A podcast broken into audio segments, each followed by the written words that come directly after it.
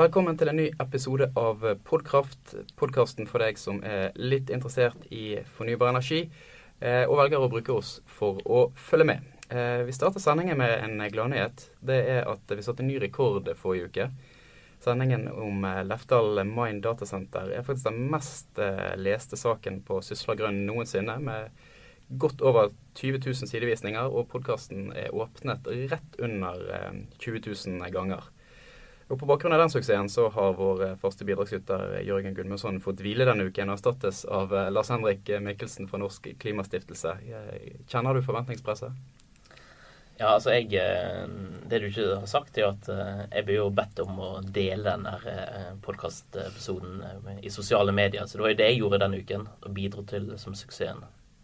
Men jeg er glad for å bli invitert tilbake. Jo, vi er glad for å ha deg her. Eh, sosiale medier er fremtiden. Eh, og kanskje det vi skal leve av etter oljen, hvis vi drar den helt ut. Eh, I tillegg så er vi så heldige å ha med oss eh, Therese Gjerde fra Bergen Energi.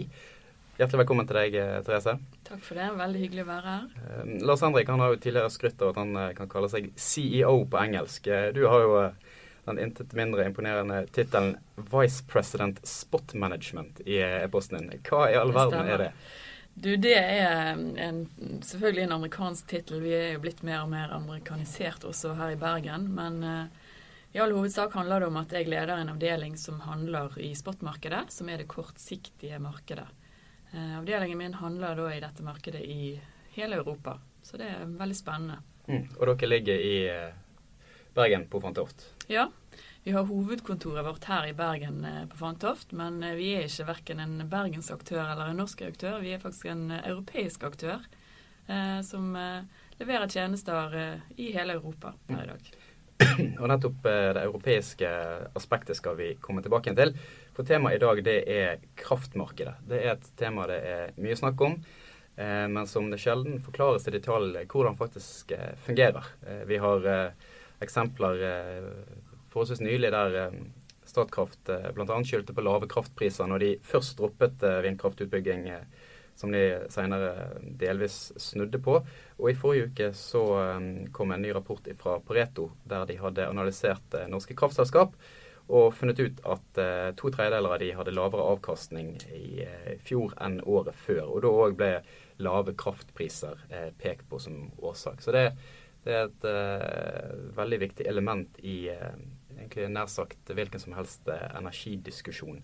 Um, så, så, hvordan fungerer egentlig kraftmarkedet, Therese? Altså, hva er det som, som setter kraftprisen?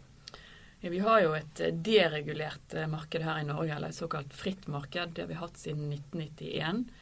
Og Det betyr jo at alle kan fritt velge sin egen kraftleverandør i sluttbrukermarkedet. I en grov-markedet, der handler da kraftprodusenter og leverandører seg imellom på kraftbørsen, som er Nordpol Spot. Og det er Nordpol Spot som setter kraftprisen time for time. Eh, de aggregerer da budene, som er tilbudsbudene og etterspørselbudene, og finner da prisen i, i det krysset. Mm. Så det er en, en god gammeldags tilbud-etterspørselmekanisme som, eh, som, setter kraftprisen? Det er rett. Ja. Og så er det jo selvfølgelig eh, underforliggende ting som gjør eh, som avgir hvor mye produsentene Eh, er villig til å selge for, og hvor mye en, en leverandør er villig til å betale for. Mm. Så det er det som setter prisen i markedet, kan man si. I den, i den eh, samme Pareto-analysen så, så, har de òg grafer over de ulike eh, kraftbørsene, der Nordpol er den som faller mest i, i kraftpriser. Så hva er, hva er, årsaken til at kraftprisene er så lave i, i Norge? Ja, Det har jo i all hovedsak med hydrologi å gjøre. Vi, har, eh, vi er et overskuddsområde for tiden. Vi har mye vannkraft. Vi har hatt mye utbygging av fornybar kraft som følge av elsertifikatinnføringen. Eh, og vi har lav etterspørsel. Så eh, sum summarum sier dette egentlig lave kraftpriser. Og så fremover så ser vi ingen endringer på det. Det kommer mer og mer fornybar kraft inn i markedet. Vi får økt overføringskapasitet mellom de nordiske landene og utover mot Europa. Eh, men det er ikke nok for å veie opp mot eh, overskuddet heller. Eh, så ja, det gjør at vi har lave priser. Vil det bare behov for å koble oss enda tettere til Europa?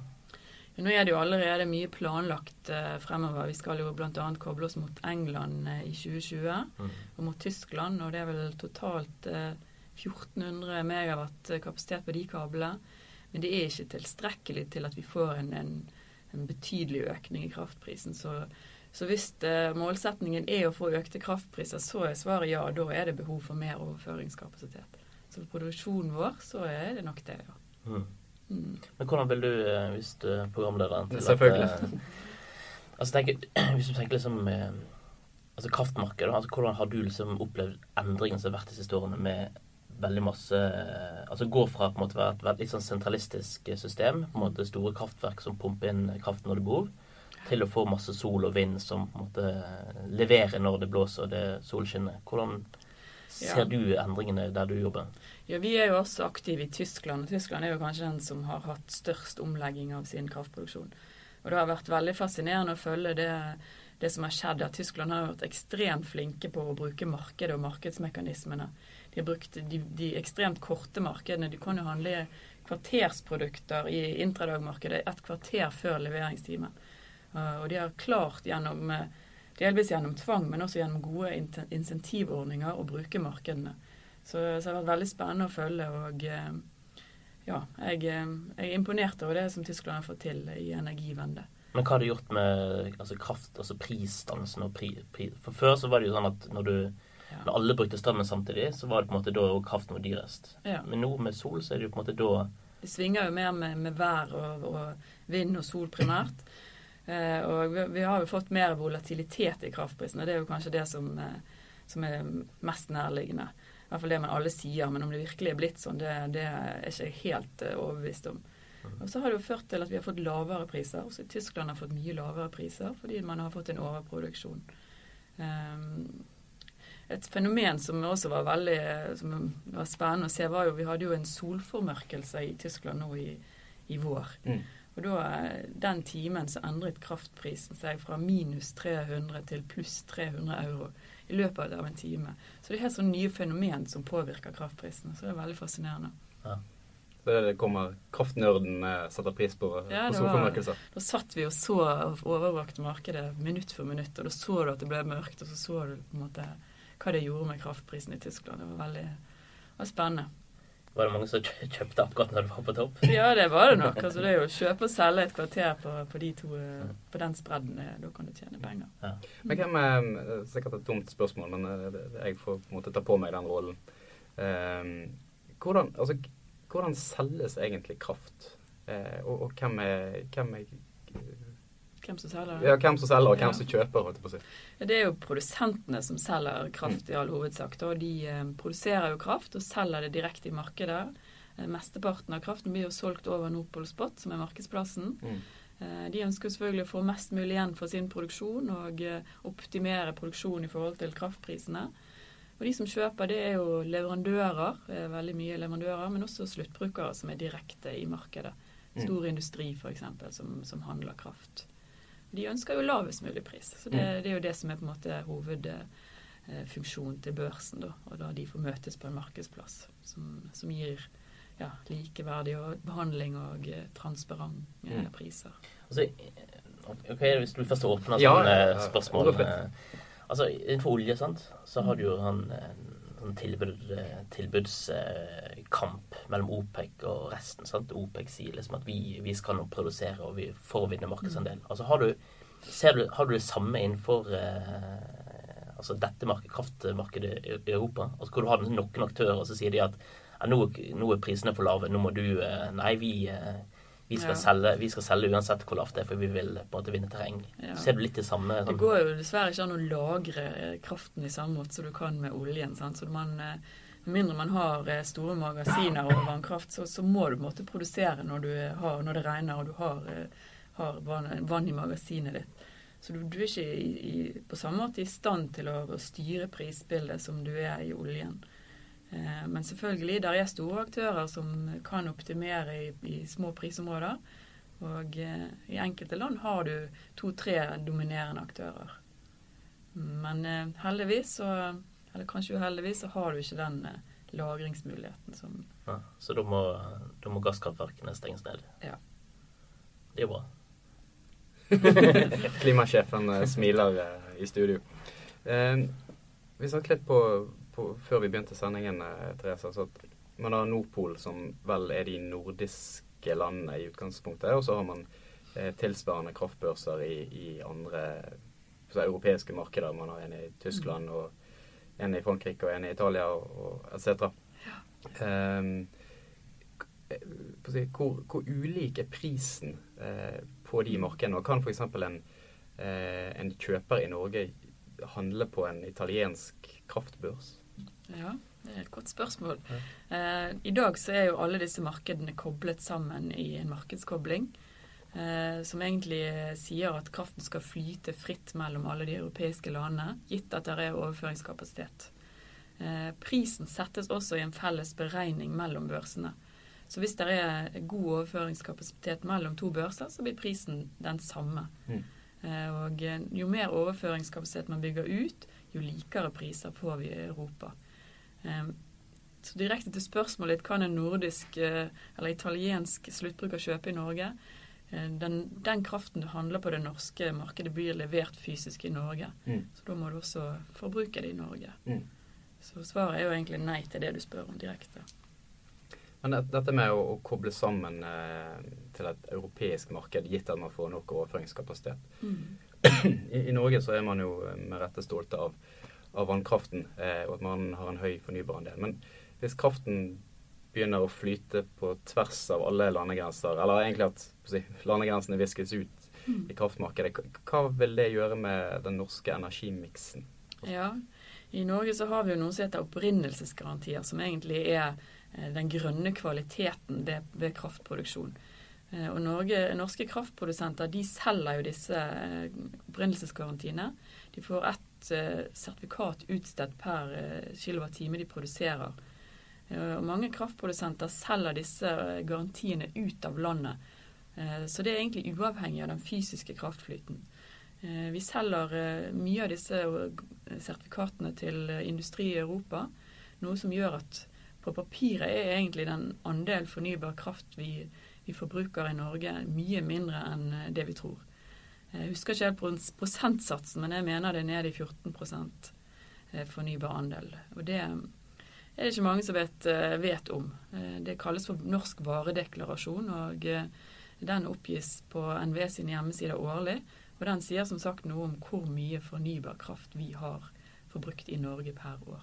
Og, det, altså, og andelen er så lav fordi man, man selger vannkraften ut, og så kommer det andre kraftkilder inn. Ja, man selger egentlig den grønne kvaliteten ut, sant? Mm. i form av dette sertifikatet. Eh, som egentlig da allokerer den grønne kvaliteten i kraftproduksjon. Så man selger det ut, så sitter man igjen med på en måte en, en grå kraft. Og det er jo det som skjer eh, i Norge i dag. Visste du det, Lars Henrik? Eh, altså, vi, altså det er jo ofte en sånn debatt om eh, disse grønne eh, Nei, disse her, eh. Ja. Det er jo en sånn evig debatt om det er bra eller ikke bra, og er man for eller imot. Men, eh, men det er iallfall en sånn viktig, tenker jeg, i den debatten i Norge, da, så hvor man liksom slår seg for gitt at vi er så veldig flinke med fornybar kraft. Men hvis du ser det på en måte i en større sammenheng, så, så er ikke alt som på en måte svirrer og går i norske kraftsystemet fornybart. Nei. Og det tenker jeg er en viktig påminnelse når vi diskuterer liksom utbygging av mer kraft eller ikke mer kraft. Og så er, det jo prosess i, i eh, altså EU nå òg. Altså vi snakker om energiunion. Eh, Så liksom det politiske eh, hva skal jeg si, målet da, det er å på en måte koble dette enda mer tettere sammen. At du får viske ut disse skottene mellom, eh, mellom land. Så klart da blir dette, enda, dette regnestykket enda mer relevant. Mm, det er helt rett. Eh, vi er i ferd med å gå inn for uh, landing. Men du nevnte dette med solformørkelse. Er det andre sånne litt sånn eh, nerdete kraftting Som påvirker prisen. som påvirker prisen? Ja, Det er jo vind selvfølgelig som er blitt en stadig større prisdriver. Eh, og endringer i vind. Det er jo det som kanskje driver det mest. Man har en forventning om hvor mye vind som skal komme inn. Og det er små marginer. Plutselig kommer han litt vest for den vindparken. Og så får man ikke den produksjonen man forventet. Så det, det er jo kanskje det vi bruker mest tid på. Det er dette med vindprognoser. Og, og eh, ja. Det er Og dere sitter og studerer de, dere Ja. Det er ikke bare produsentene som er opptatt av det. Nei da, for det betyr så mye for kraftprisen at vi er nødt til å også bruke tid på det. Men er det sånn at dere sitter på jobben og så Å, sjekk, sjekk den uh, vind, vind uh, Jeg vet ikke hva man sier. Vind retningen. Et eller annet som, som nå rammer Danmark. Oi, oi, følg med nå. Ja da, det er klart.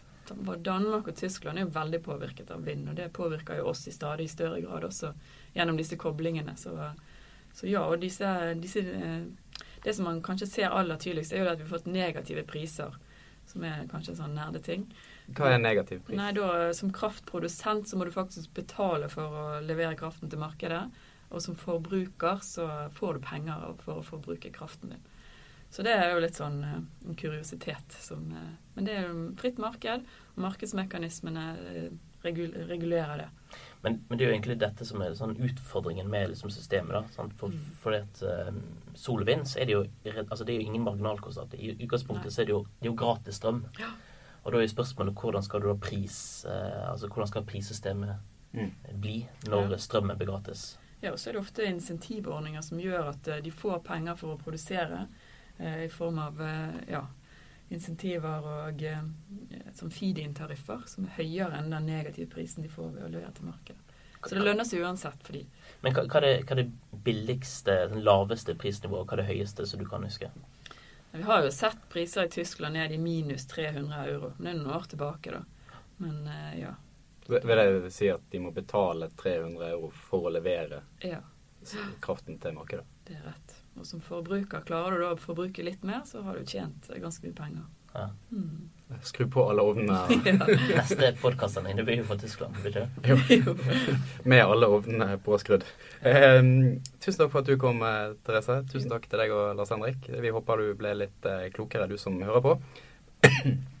og som alltid så kan du eh, sende innspill til eh, tema til martinalfakrøllsysla.no, og så ønsker vi deg en eh, fortreffelig helg.